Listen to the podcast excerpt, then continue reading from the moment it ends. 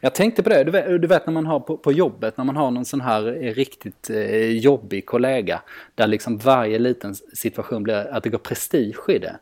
Mm. Eh, att man inte kan säga någonting utan att det blir liksom en diskussion eller att man måste liksom positionera sig mot varandra. Liksom. Mm. Eh, det är ju den värsta kollegan som finns. Mm. Eh, och Sebastian Larsson är ju den på planen.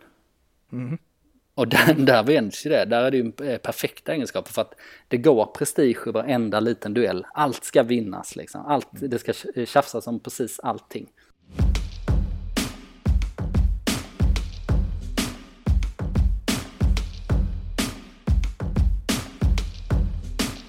Det här är Fotboll Stockholms podcast och det är ett AIK-avsnitt och det är nummer 57. Det är det första AIK-avsnittet efter landslagsuppehållet som ju vi också hade ett.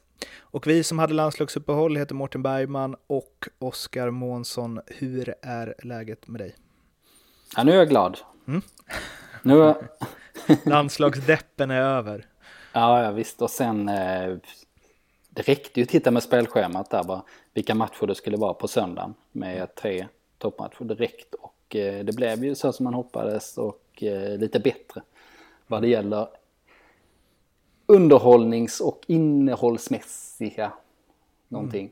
Mm. ja, och, eh, ja, och eh, just den här matchen som AIK hade borta mot Häcken, de vann med 2-1, var ju väldigt jag höll på att säga att den var väldigt beroende på, av resultatet, men eh, ja, det blev ju att det ena laget eh, hängdes av om det andra vann eh, istället för att Häcken skulle ta sig ifatt AIK. Och vi ska prata mer om det, men först ska vi säga tack till NordicBet som är sponsor till Fotboll Stockholm och de har, som ni kanske vet vid det här laget, en podcast. Den heter Ljugarbänken. Det är jag, Mattias Lindström, Lasse Nilsson som surrar i den. Vi spelade in i lite innan vi spelar in det här och eh, ja, eh, det börjar bli en följetong i ljugarbänken, men mer än någonsin tappade Mattias Lindström det på domarkåren. Han brukar ändå försöka hålla igen lite, men nu eh, släppte han det helt och jag tror att han projicerade någon form av felaktig utvisning som hade drabbat Eskils minne eh, på mm. liksom hela den allsvenska domarkåren. Eh, jag tror han drog alla domare över en kam där. Ehm, så ja, det är underhållande om inte annat. Det är sådana tider nu alltså. Det är konspirationstider. ja, exakt. Eh, så in och lyssna på Ljugarbänken, den finns där poddar finns. Tusen tack NordicBet för att ni är med på Stockholm. Och på tal om domare då, så eh, det här var ju en av matcherna som Mattias Lindström bubblade kring. För det var ju två situationer. Dels Obasi knuffade Rasmus Lindgren i ryggen, tog ner bollen och pangade in den i mål. Och sen så var det Paulinho som höll nere Karol Metz på en långboll in i straffområdet och eh, domaren pekade på straffpunkten där Sebastian Larsson gjorde AIKs andra mål och sedermera segermålet. Ja, situation för situation tar vi då. Vi börjar med Obasis mål och eh, knuffen på Lindgren. Vi kan väl tillägga det, Andreas Alm var inte helt nöjd i intervjun efter matchen och han hade liksom en dryg eh, kritik mot domarna som jag skulle säga är värre än om man bara fy fan vad de var dåliga. För det var verkligen eftertänksamt och eh, ja, jag vet inte vad man ska säga, underhållande Nej. men också lite obehagligt. Ja, lite rättshaverist-vibbar där. Men eh, vi kan väl komma till det då. Vi, men vi får ta situationerna först då. Mm. Eh, Obassis mål, är ju, den är svår alltså. Eh, jag lutar ju åt att, eh, att det är ett eh, korrekt mål. Eh, men jag är inte lika säker som många andra. Många har bara sagt att det där är ingenting, liksom, det där händer ofta och så vidare.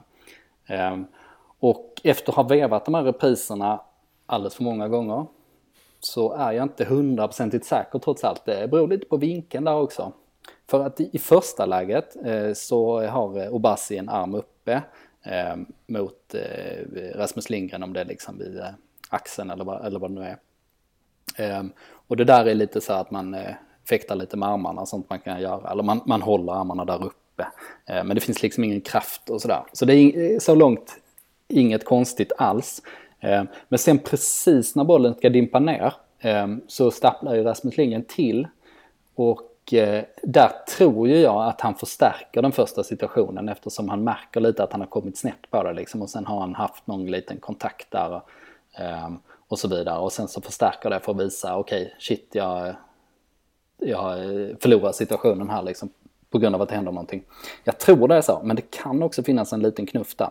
Ehm, och eh, en liten dold knuff i så fall. Och är det på det fallet, och är det på det fallet, på det, på det viset, vilket eh, förmodligen bara huvudpersonerna vet, ehm, så borde det inte vara godkänt i så fall. Ehm, så det får väl bli en liten brasklapp där. Men eh, trots allt så lutar jag eh, åt att det var korrekt och, och så vidare jag kunde, kunde säga det. Och sen är det ju en ja, klassaktion. Obasien då, alltså det finns ju så mycket i honom. Ehm, och han kan ju spela på en högre nivå än nästan alla andra i serien men det är, det är lite för sällan bara. Mm.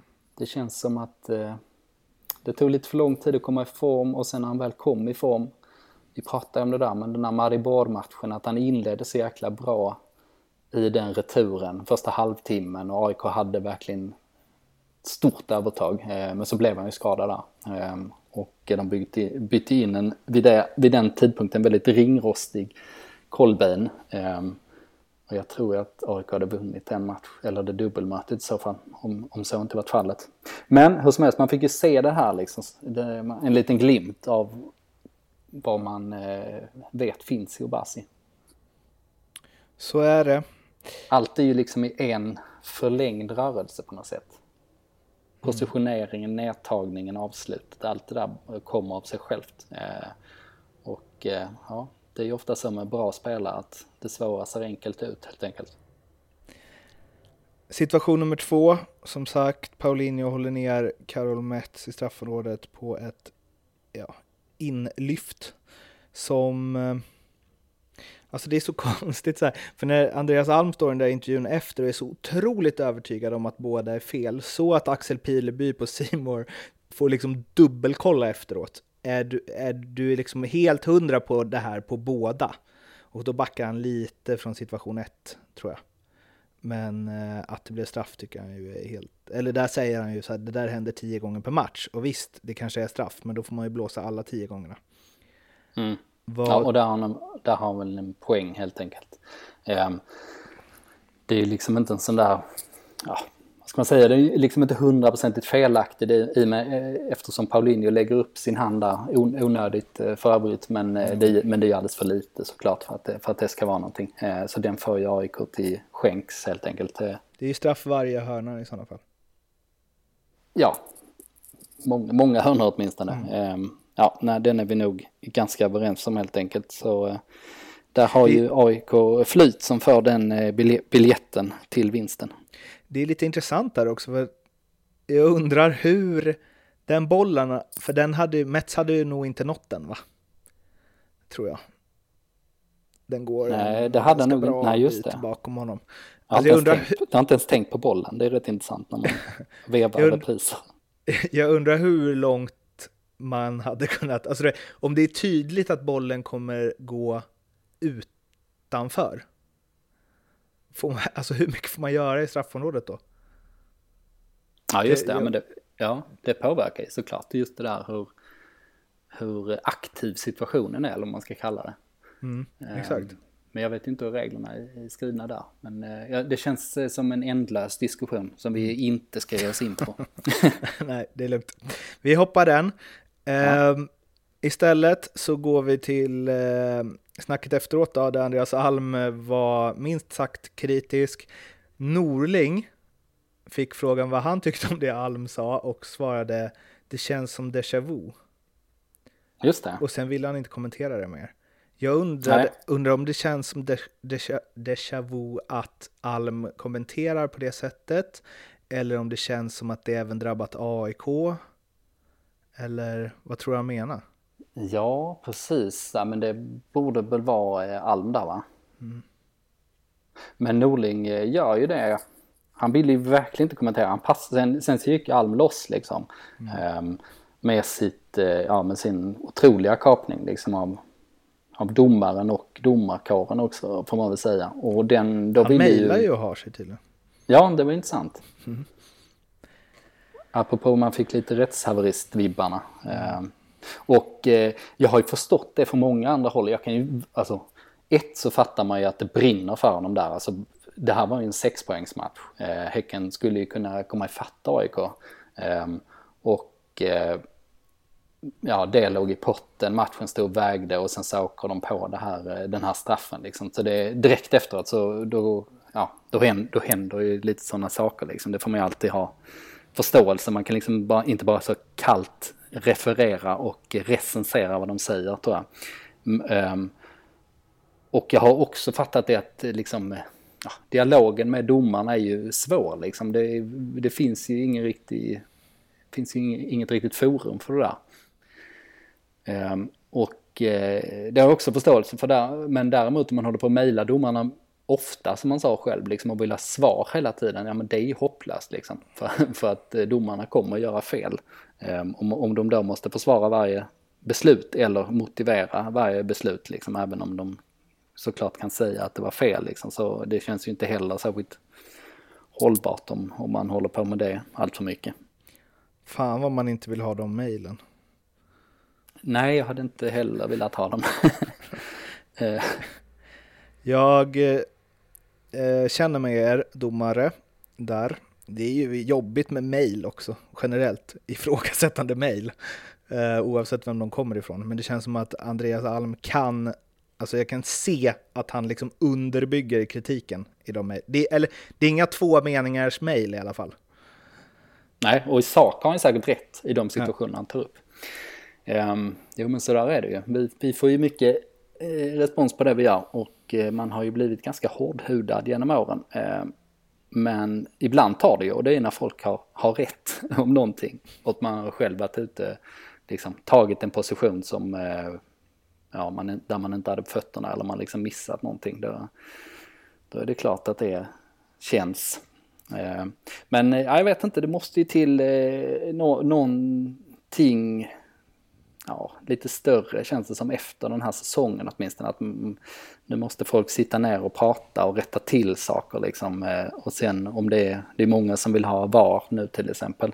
Ehm, jag vet, jag vet inte, ja, jag, jag passar den diskussionen, ungefär som Norling ville passa Ehm, att kommentera eftersom jag inte riktigt tänkt klart där. Men eh, det känns i alla fall som eh, det måste någonting till liksom, för nu är det för mycket. Dels har nivån varit lägre än på eh, länge tycker jag och dels har kritiken kommit från så jäkla många håll liksom.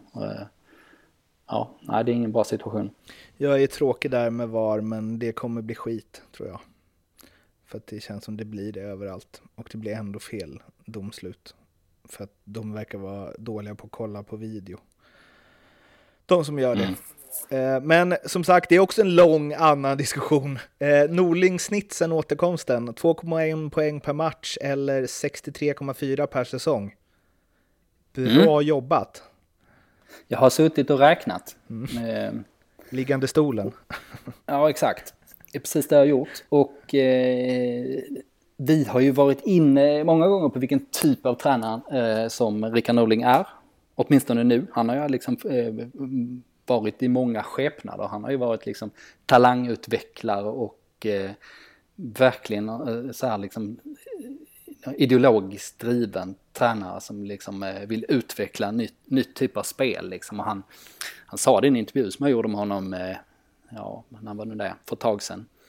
Att han eh, till och med kunde förlora matcher på grund av sin envishet. Att han ville liksom bevisa alla att de hade fel och så som han tänkte var rätt liksom. Och det hade han framgått helt nu liksom. Ehm, och den tränaren han är nu eh, är ju eh, pragmatikern och cynikern inte minst. Ehm, som eh, ser till det kortsiktiga och att eh, ta poäng på bekostnad av det mesta andra. Och Eh, Europafacit känner alla till som lyssnar på det här att det är skralt sen han kom tillbaks. Eh, men i serien, det du sa precis. 2,1 poäng per match eller 63,4 per säsong. Det är ju i stort sett ett guldsnitt sen han kom till AIK. Eh, och det är jävligt imponerande över tid. 63 eller 64 poäng, det vinner man ju ofta serien på. Den här säsongen kan det krävas lite mer, mer än så. 65-66 kanske eller något i den stilen men eh, det eh, ska man eh, verkligen sätta först tycker jag när man utvärderar hans eh, insats i AIK så här långt. En annan som har gjort ganska bra insats i AIK så här långt är ju Sebastian Larsson som avgjorde på straffen. Kanonstraff mot Peter Abrahamsson som hade räddat fyra av de sex senaste. Och eh, ja, det går väl, går väl knappt att understryka, understryka hur otroligt viktig Sebbe är för Gnaget. Nej, precis. Ganska bra sa du. Jag antar att det var en liten med, medveten underdrift. Det, det, var en medveten underdrift. Ja, det känns, känns tryggt att du säger det. Ja. Ehm, jag är ju ganska skeptisk till hemvändare i, i största allmänhet. Ehm, jag eh, tycker ofta att, eh, att det kostar mer än vad det smakar i slutändan. Ehm, men eh, vad det gäller Sebastian Larsson så är det, det är ju en av de bästa värvningarna som AIK har gjort på många år. Eh, utan honom hade de inte varit med i toppen. Eh, och utan honom får man anta då att de hade tagit in en annan tung spelare på den positionen istället. Men han har så jäkla många kvaliteter och han, att, han, att han brinner så pass mycket hela tiden. Mm. Att han liksom drar med sig medspelarna och sen så fightas han om varenda liten millimeter och, i liksom spelet och eh, i närkamperna och eh, gentemot domarna och motståndarna och allting liksom. Han är en hemsk, hemsk spelare att möta. Mm. Absolut värsta spelaren att möta. Eh, ja. Ja. jag gillar, jag tycker att han är en idiot på planen, men jag gillar det också. Mm. Alltså det finns ju något i, och jag gillar, alltså oavsett vilket lag han hade gått till, så jag gillar att det går bra. För att fan vad det gnälldes på honom där ett tag i landslaget alltså. Att han var så dålig och han skulle, och så tänkte, jag vet att jag tänkte att så här, det har jag säkert sagt flera gånger, men det tåls att upprepas. Du har sagt det till mig till och med, jag minns ja. när du sa det på den tiden att så här, han kommer vara helt dominant i allsvenskan. Och det är han ju. Han är ju typ, han, han är ju topp tre i serien. Ja, definitivt. Och att så här, det finns en anledning till att han spelade varenda landskamp. Bara att, jag vet inte, jag tyckte han fick så himla mycket, of, alltså det var så mycket som hamnade på honom. När jag ett tag kändes det som att han var den som, eller han kämpade ju mest av alla liksom. Och sen så skulle mm. han spela i någon liksom höger ytterroll. Som visst, han var ju hög, men det var ju inte, hans grej kanske inte direkt var att komma runt på kanten. Um, Nej, precis. Vilket han typ skulle behöva göra när Hamrén tränade. Liksom. Ja, och när han spelade på kanten i landslaget då var det ju den här, alltså verkligen rollspelaren som både är eh, kant och Eh, inom mitt fält. Alltså mm. att den andra kanten istället kan ha lite friare tyglar. Mm. Um, man kan ju säga att formationen byggde ganska mycket på att man måste ha en sån rollspelare. För att har man inte det så eh, går det inte att spela på det sättet. Då får man ha en annan formation helt enkelt. Mm. Jag tänkte på det, du vet, du vet, när man har på, på, jobbet, när man har någon sån här riktigt eh, jobbig kollega. Där liksom varje liten situation blir att det går prestige i det. Mm. Ehm, att man inte kan säga någonting utan att det blir liksom en diskussion eller att man måste liksom positionera sig mot varandra. Liksom. Mm. Ehm, det är ju den värsta kollegan som finns. Mm. Ehm, och Sebastian Larsson är ju den på planen. Mm. Och där, där vänds ju det. Där är det ju eh, perfekta egenskaper för att det går prestige i varenda liten duell. Allt ska vinnas liksom. Allt, mm. det ska tjafsas om precis allting. Tänker jag också är en oerhört bra grej att ha på träningar. Ja, det tänker jag mig också. Eh, så, så vida liksom han har folk med sig ändå liksom. Ja. Man kan inte bli helt, eh, göra sig omöjlig där liksom. Men eh, med tanke på hans status och kvalitet liksom och alla förstår ju vad han betyder så, eh, så är jag övertygad om att det är precis så även där liksom. Jag kommer ihåg när eh, Malmö värvade Berget och eh, Eikrem så var det någon träning där i början där, alltså jävlar vad de bråkade. Det var typ någon assisterande tränare som dömde ut en boll på så här smålagsspel eh, som den ena då inte tyckte var ute. Och sen så var det huruvida det skulle vara inkast eller sätta igång med fötterna. Alltså, de bara, de tjafsade så jävla mycket med varandra om varenda grej så. Och eh, så pratade jag med Åge Hareide efteråt om det och då sa han att det är precis så man vill ha det. Alltså så länge det hålls på rätt nivå så vill man ha den tävlingen och man vill att de blir tjuriga på saker som inte betyder ett skit. Eh, och oftast så behöver man ett gäng sådana. De hade ju för all del Mackan också med flera. Men eh, i Sebs fall känns det lite som att han behöver bara sig själv. ja, Eller han, han kan ju liksom bråka med en kon i tio minuter. Ja. ja, jag, jag, jag, bara tänker när man går in i en match mot honom ja, och det är liksom efter fem, 15 sekunder så sparkar Seb ner dig. Eh, och det är klar frispark och sen så ja, sätta igång bollen. Men då är ändå Seb där liksom och fäktar med armarna och, och klagar på domaren. Och, jag vet inte, det känns som att han liksom nöter ner motståndarna där. Han liksom suger energin ur dem på något sätt. Mm. Så jag kände så här, synd att Henrik Rydström inte spelar fortfarande och hoppas att Pontus Wernblom går tillbaka till Blåvitt snart.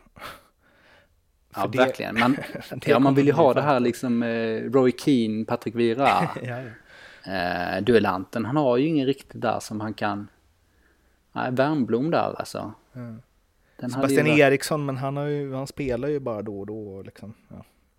ja, precis. Han är inte tillräckligt bra nu för tiden. Nej, eh, det är liksom klasskillnad. Och sen har ju Seb, förutom det här då, att han är lagets kanske skickligaste passningsspelare och eh, seriens förmodligen bästa frisparksskytt också. Så det, ja, det är ett eh, helt eh, paket där. Eh, bästa värvningen på väldigt många år helt enkelt. Och något han också är tänker jag. Det känns som det. Eller nej, han är det. Jag slår fast det. Han är ju den perfekta derbyspelaren också. Och det är ju det som väntar på söndag. Hammarby och AIK. Där AIK vid vinst hänger av Bayern från guldstriden och vid förlust tajtar till den. Eh, sen så, ja, lite beroende på hur det går för Djurgården också förstås, som väl lär vinna sin match.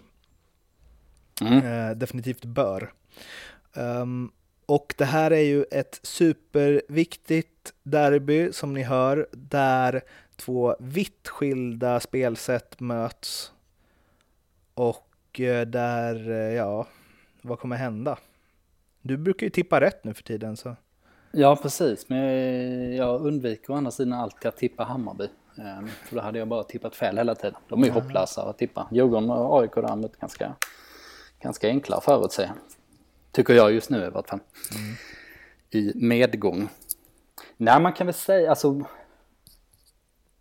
Det här är ju ett superderby på alla sätt, ett till. Um, men det var kanske nästan ännu lite hetare förra hösten såklart. För då var det ju, då hade ju den matchen liksom en, en guldkaraktär. Även om det var i 19 omgången tror jag. Um, nej men det är, det är extremt intressant tycker jag det här för att om man, om man backar några år i, i allsvenskan um, då var det ju så att de flesta lagen spelar ganska enkelt. Uh, det var ju mycket den här gamla ja, brittisk-svenska filosofin som, som rådde.